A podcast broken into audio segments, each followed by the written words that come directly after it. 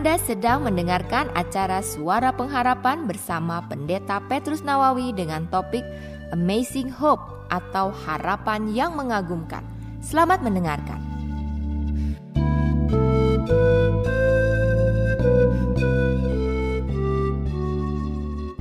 Saudara hidup bukanlah merupakan tujuan, tetapi merupakan suatu perjalanan. Kalau hidup ini merupakan tujuan, maka begitu hidup, begitu selesai dan kita tinggal diam saja, tidak lakukan apa-apa karena sudah tiba di tujuan. Hidup bagi kita orang percaya adalah suatu perjalanan dari perubahan kepada perubahan. Sehingga di dalam kehidupan kita setiap saat kita tahu bahwa perjalanan kita dari perubahan kepada perubahan dari yang baik kepada yang lebih baik dan terus menerus seperti itu di dalam kehidupan kita. Kalau tidak lagi ada perubahan di dalam hidup kita, mungkin kita tidak sedang lagi berada dalam perjalanan. Barangkali kita sudah tiba pada tujuan kita, alias mungkin kita sudah tidak lagi hidup di tengah-tengah dunia ini. Karena selama kita hidup, kita harus memastikan bahwa kita hidup senantiasa terus-menerus di dalam perubahan itu. Nah, kalau kita berbicara tentang perjalanan yang mengubah hidup kita, perjalanan dalam perubahan kepada perubahan.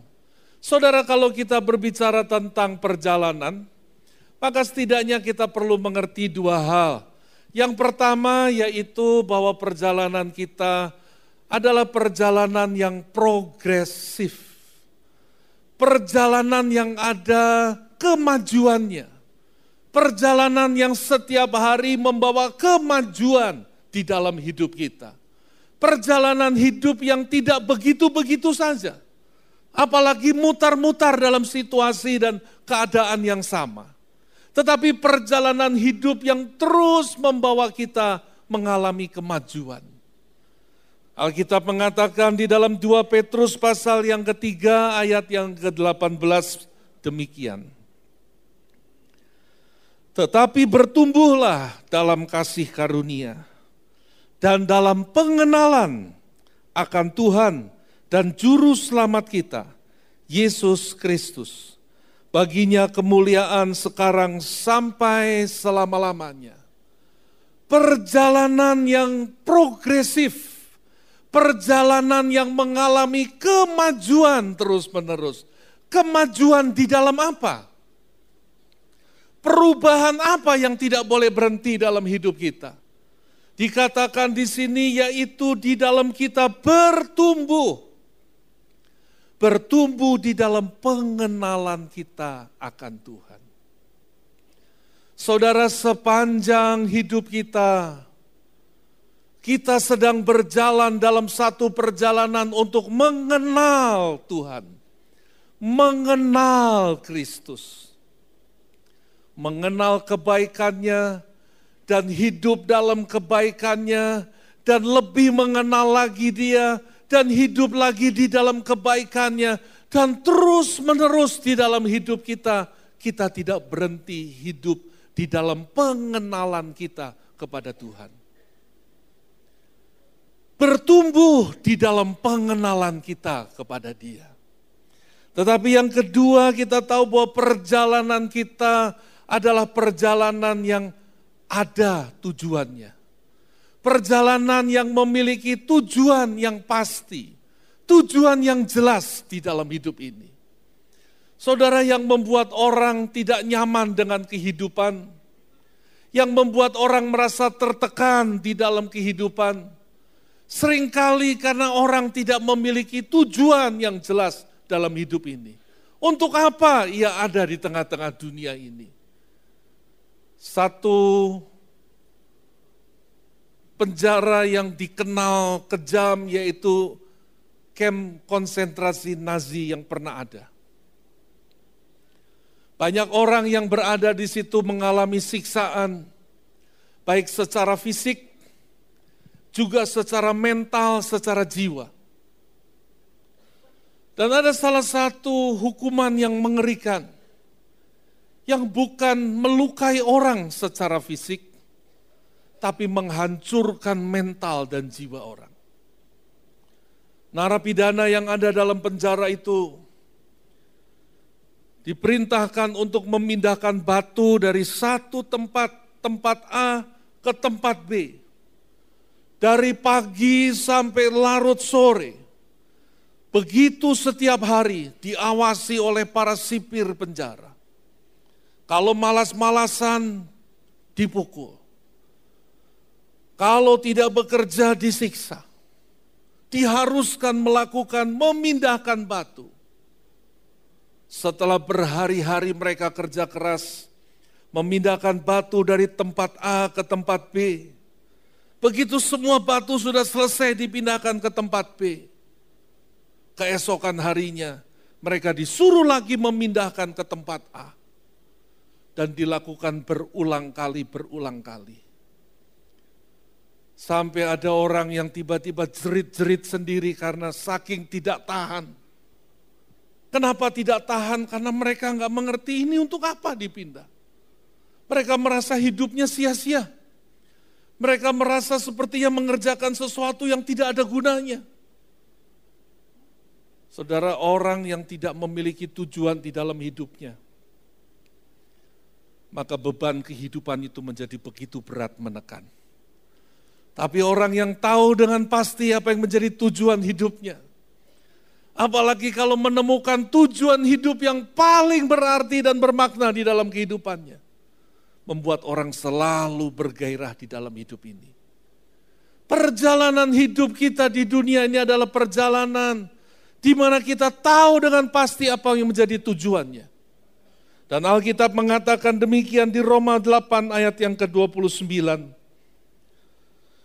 Dikatakan sebab semua orang yang dipilihnya dari semula, mereka juga ditentukannya dari semula.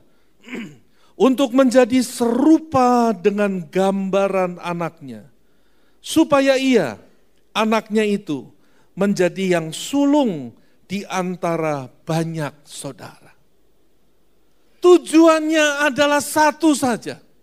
Bahwa di dalam perjalanan hidup kita setiap hari, kita sedang berjalan dari satu perubahan kepada perubahan yang lain, kepada perubahan yang lain dan terus menerus berubah dalam hidup kita. Untuk apa? Untuk menjadi serupa dengan Kristus. Serupa dengan Kristus dalam hal apa? Serupa dengan Kristus di dalam karakter.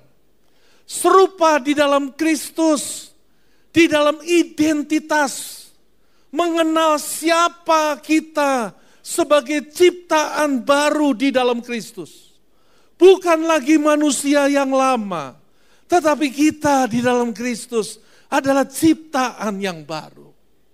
Sehingga setiap hari dalam perjalanan hidup kita, kita mengenal dia untuk semakin kita diubahkan karakter hidup kita. Kita mengenal dia untuk semakin kita menyadari siapa kita di dalam Kristus. Saudara, kalau di dalam perjalanan hidup kita, kita tidak mengalami perubahan di dalam karakter kehidupan kita. Itu sudah akan mampu membuat perjalanan hidup kita kandas di tengah jalan. Berapa banyak orang gagal di dalam hidupnya Bukan karena dia kurang pandai, bukan karena dia kurang hebat, tapi sering kali karena karakternya kurang matang. Sehingga ia gagal melewati pergumulan hidup yang memang tidak mudah. Tidak mampu menopang itu semua dengan karakter yang lemah. Itu sebabnya kita dibaharui dari waktu ke waktu melalui pengenalan kita akan Kristus. Supaya apa? Karakter hidup kita diubah. Dari waktu ke waktu menjadi serupa seperti Kristus. Kalau orang tidak mengenal siapa dirinya yang baru di dalam Kristus, menganggap hidupnya masih sama seperti hidupnya yang dulu. Hidup yang gagal, hidup yang kalah, hidup yang ada di dalam dosa, padahal sekarang sudah hidup dalam anugerah Tuhan, hidup yang sudah dibaharui oleh Tuhan, hidup di dalam kasih karunia dan kuasa Tuhan. Kalau saja orang menyadari dan mengenal siapa dirinya di dalam Tuhan. Ia dimampukan menghadapi kehidupan ini. Dimampukan menjalani perjalanan hidupnya. Terus menerus di dalam kebaikan Tuhan yang sudah disediakan di dalam hidup ini. Nah saudara perjalanan di dalam perubahan yang terus menerus di dalam hidup kita itu, Tuhan memberikan firman-Nya kepada kita. Dan faktor firman Tuhan itulah yang menjadi faktor pengubah di dalam hidup kita. Firman-Nya yang diberikan itulah yang memampukan kita, yang membuat kita mengerti, yang membuat kita menjadi tahu bagaimana seharusnya kita menjalani hidup ini. Yang membuat kita menjadi mengerti siapa kita yang baru di dalam Kristus. Dan peran firman Tuhan yang menjadi pengubah di dalam hidup kita. Yang mengubah terus hari lepas hari menjadi pribadi yang dibaharui, yang karakternya dibaharui, yang mengerti siapa dirinya di dalam Tuhan berjalan terus serupa seperti Kristus. Peran firman Tuhan antara lain dikatakan di dalam Alkitab, firman yang bagaikan api dan firman yang bagaikan air. Di Yeremia pasal yang ke-23 ayat 29 dikatakan demikian. Bukankah firmanku seperti api? Demikianlah firman Tuhan. Dan seperti palu yang menghancurkan bukit batu. Firman yang menjadi pengubah di dalam hidup kita. Dikatakan itu bagaikan api. Api itu memberikan terang. Api itu juga memberikan kehangatan. Tapi api itu juga membakar dan menyelesaikan pekerjaan. Sama seperti kalau ibu-ibu membuat kue. Semua adonan dicampur masuk tapi sebelum masuk ke dalam api, sebelum selesai dibakar sampai tuntas, belum jadi apa-apa. Ketika masuk dalam api, itu saat yang paling-paling tidak menyenangkan. Maka jadilah kue itu. Api mematangkan, api menuntaskan, tapi juga api memurnikan. Kalau logam mulia emas dimurnikan, maka dimurnikannya yaitu dengan api. Dibakar terus menerus, dibakar terus menerus, dibakar terus menerus. Sampai semua kotoran yang ada itu hilang. Dan terus menerus dibakar sampai tidak lagi tersisa ada kotoran. Yang tersisa hanya emas yang murni itu saja. Proses itu menjadi proses yang menyakitkan. Proses itu menjadi proses yang tidak menyenangkan. Penuh dengan konfrontasi dan rasa sakit. Tapi itu proses yang mematangkan. Tapi itu proses yang memurnikan setelah selesai proses itu, emas itu menjadi emas yang mulia karena murni. Dikatakan oleh Ayub di Ayub pasal yang ke-23 ayat yang ke-10.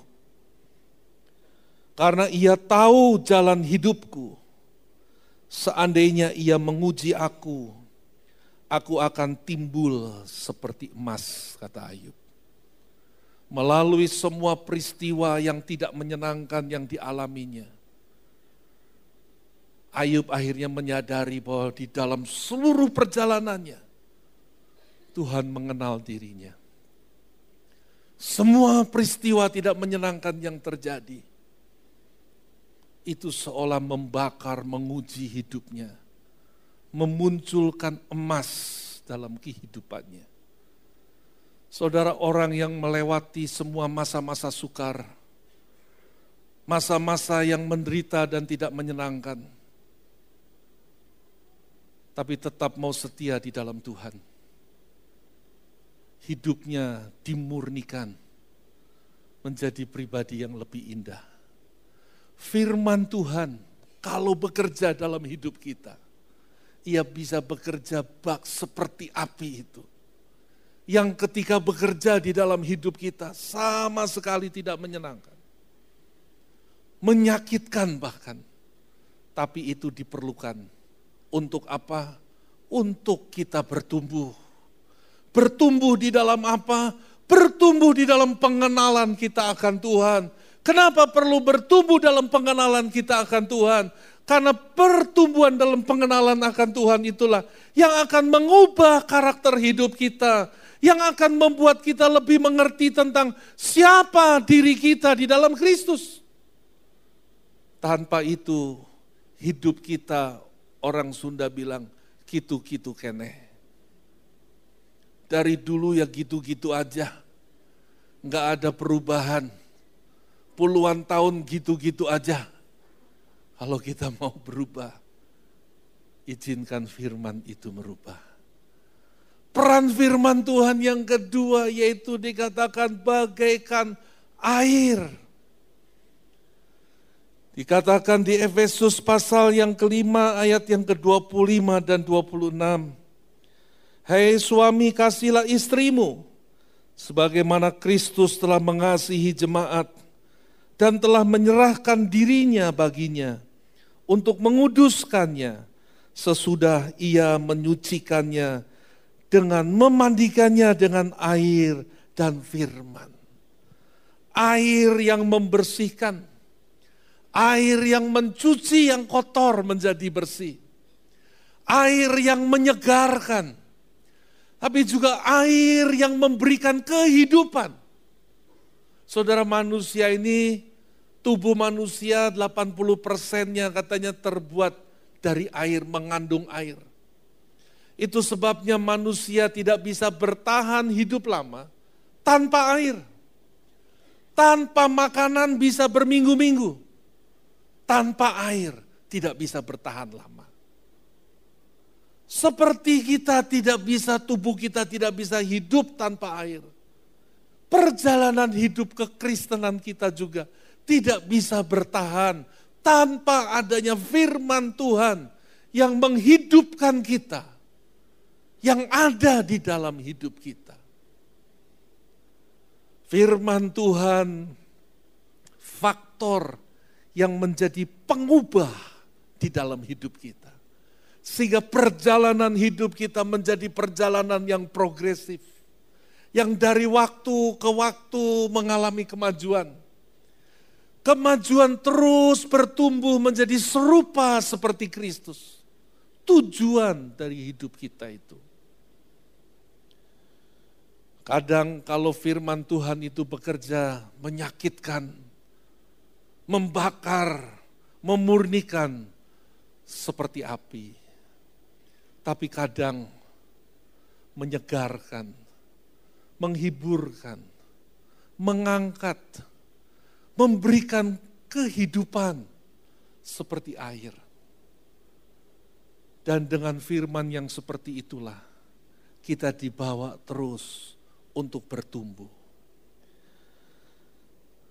Kalau kita membaca dari 2 Timotius pasal yang ketiga, ayat yang ke-15 sampai dengan ayat yang ke-17, kita akan mengerti mengapa firman Tuhan itu begitu penting. di dalam pertumbuhan kita. Saya baca dulu. 2 Timotius 3 ayat 15 sampai 17. Dikatakan ingatlah juga bahwa dari kecil kamu sudah mengenal kitab suci yang dapat memberi hikmat kepadamu dan menuntun engkau kepada keselamatan oleh iman kepada Kristus Yesus. Segala tulisan yang diilhamkan Allah memang bermanfaat untuk mengajar, untuk menyatakan kesalahan, untuk memperbaiki kelakuan, dan untuk mendidik orang dalam kebenaran. Dengan demikian, tiap-tiap manusia kepunyaan Allah diperlengkapi untuk setiap perbuatan baik. Saudara, kalau firman Tuhan itulah faktor pengubah dalam hidup kita, yang mengubah kita di dalam perjalanan hidup kita, terus menerus menjadi semakin serupa seperti Kristus. Mengapa sering kali kita temukan bukan di sini, saudara? Di sini tidak ada, di sana sini banyak Kenapa sering kali kita temukan orang yang harusnya secara kurun waktu, secara usia, harusnya sudah sekian puluh tahun kenal Tuhan. Sudah sekian belas tahun hidup dalam firman-Nya. Harusnya sudah mengalami perubahan yang luar biasa dalam hidupnya. Mengalami perubahan dalam karakternya mengalami perubahan, mengenal siapa identitas dirinya yang baru di dalam Kristus. Siapa saya dalam Kristus sekarang ini? Tapi sayangnya ternyata itu tidak berjalan seiring. Banyak yang sekalipun secara usia harusnya sudah begitu matang, tapi ternyata masih kekanak-kanakan. Yang harusnya sudah begitu kuat, mampu menghadapi berbagai macam pergumulan dalam hidup ini. Tapi ternyata masih begitu lemah. Saudara yang menjadi persoalan adalah apa yang dikatakan di dalam 2 Timotius pasal yang ketiga ini. Ayat 15 dan 17 ini. Masalahnya bukan karena firman Tuhan itu tidak hidup. Masalahnya bukan karena firman Tuhan itu tidak mampu menerobos hidup kita dan mengubah kita. Tapi masalahnya karena sering kali ini justru yang terjadi. Apa yang terjadi saudara? Coba kalau kita perhatikan di sini. Dikatakan di sini bahwa segala tulisan yang diilhamkan Allah memang bermanfaat. Bermanfaat untuk apa? Dikatakan pertama untuk mengajar.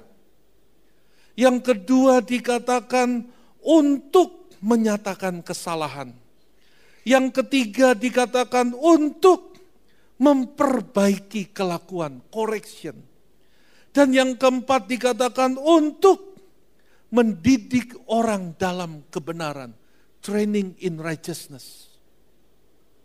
Saudara coba dari empat hal ini, dikatakan bahwa kita ini, tiap-tiap manusia kepunyaan Allah, diperlengkapi untuk setiap perbuatan baik. Kita ini diperlengkapi dengan firman Tuhan untuk setiap hal yang Tuhan inginkan. Untuk setiap Tuhan minta, dia lengkapi kita, mampukan kita oleh firmannya. Dan firman yang mana? Firman yang manfaatnya ini luar biasa. Firman yang mengajar, firman yang menyatakan kesalahan, Firman yang mengoreksi kelakuan. Firman yang melatih orang dalam kebenaran. Nah kenapa sering kali orang tidak bertumbuh seiring dengan apa yang dia terima. Dengan apa yang dia mengerti. Karena ini saudara. Jadi firman Tuhan itu punya empat manfaat. Manfaat pertama itu mengajar kedua menyatakan kesalahan, ketiga mengoreksi kelakuan, keempat melatih orang dalam kebenaran. Saya tanya di sini pada umumnya dari empat hal ini. mana yang paling disukai orang dan mana yang paling tidak disukai orang. Yang paling disukai orang itu yang nomor satu. Dan yang nomor empat. Pengajaran, teaching itu orang suka. Tidak ada orang yang tidak suka teaching. Tidak ada orang yang tidak suka belajar. Semua orang ingin dengar. Zaman Tuhan Yesus dulu, Ribuan orang selalu berbondong-bondong mendengar apa yang dikotbahkan oleh Yesus.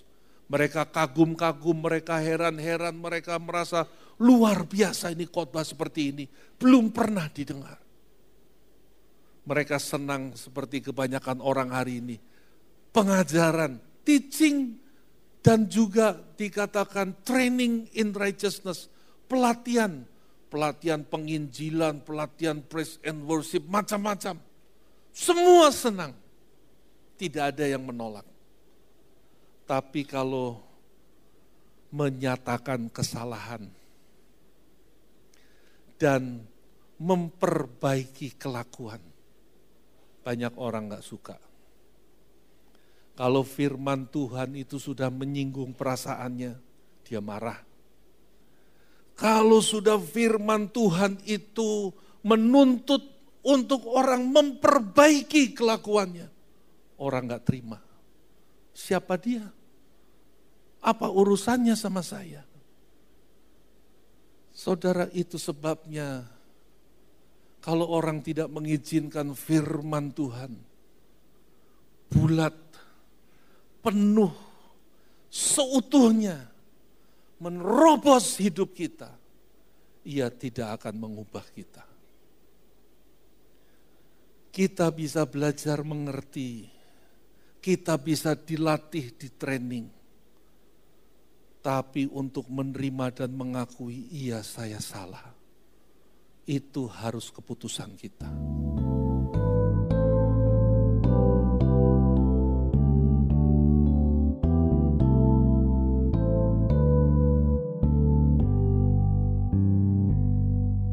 Anda telah mendengarkan dari topik Amazing Hope atau harapan yang mengagumkan. Pekan yang akan datang, Pendeta Petrus Nawawi akan melanjutkan topik tersebut pada hari, jam, dan gelombang radio yang sama. Pastikan Anda mengikutinya. Sampai jumpa pada pekan yang akan datang. Tuhan memberkati.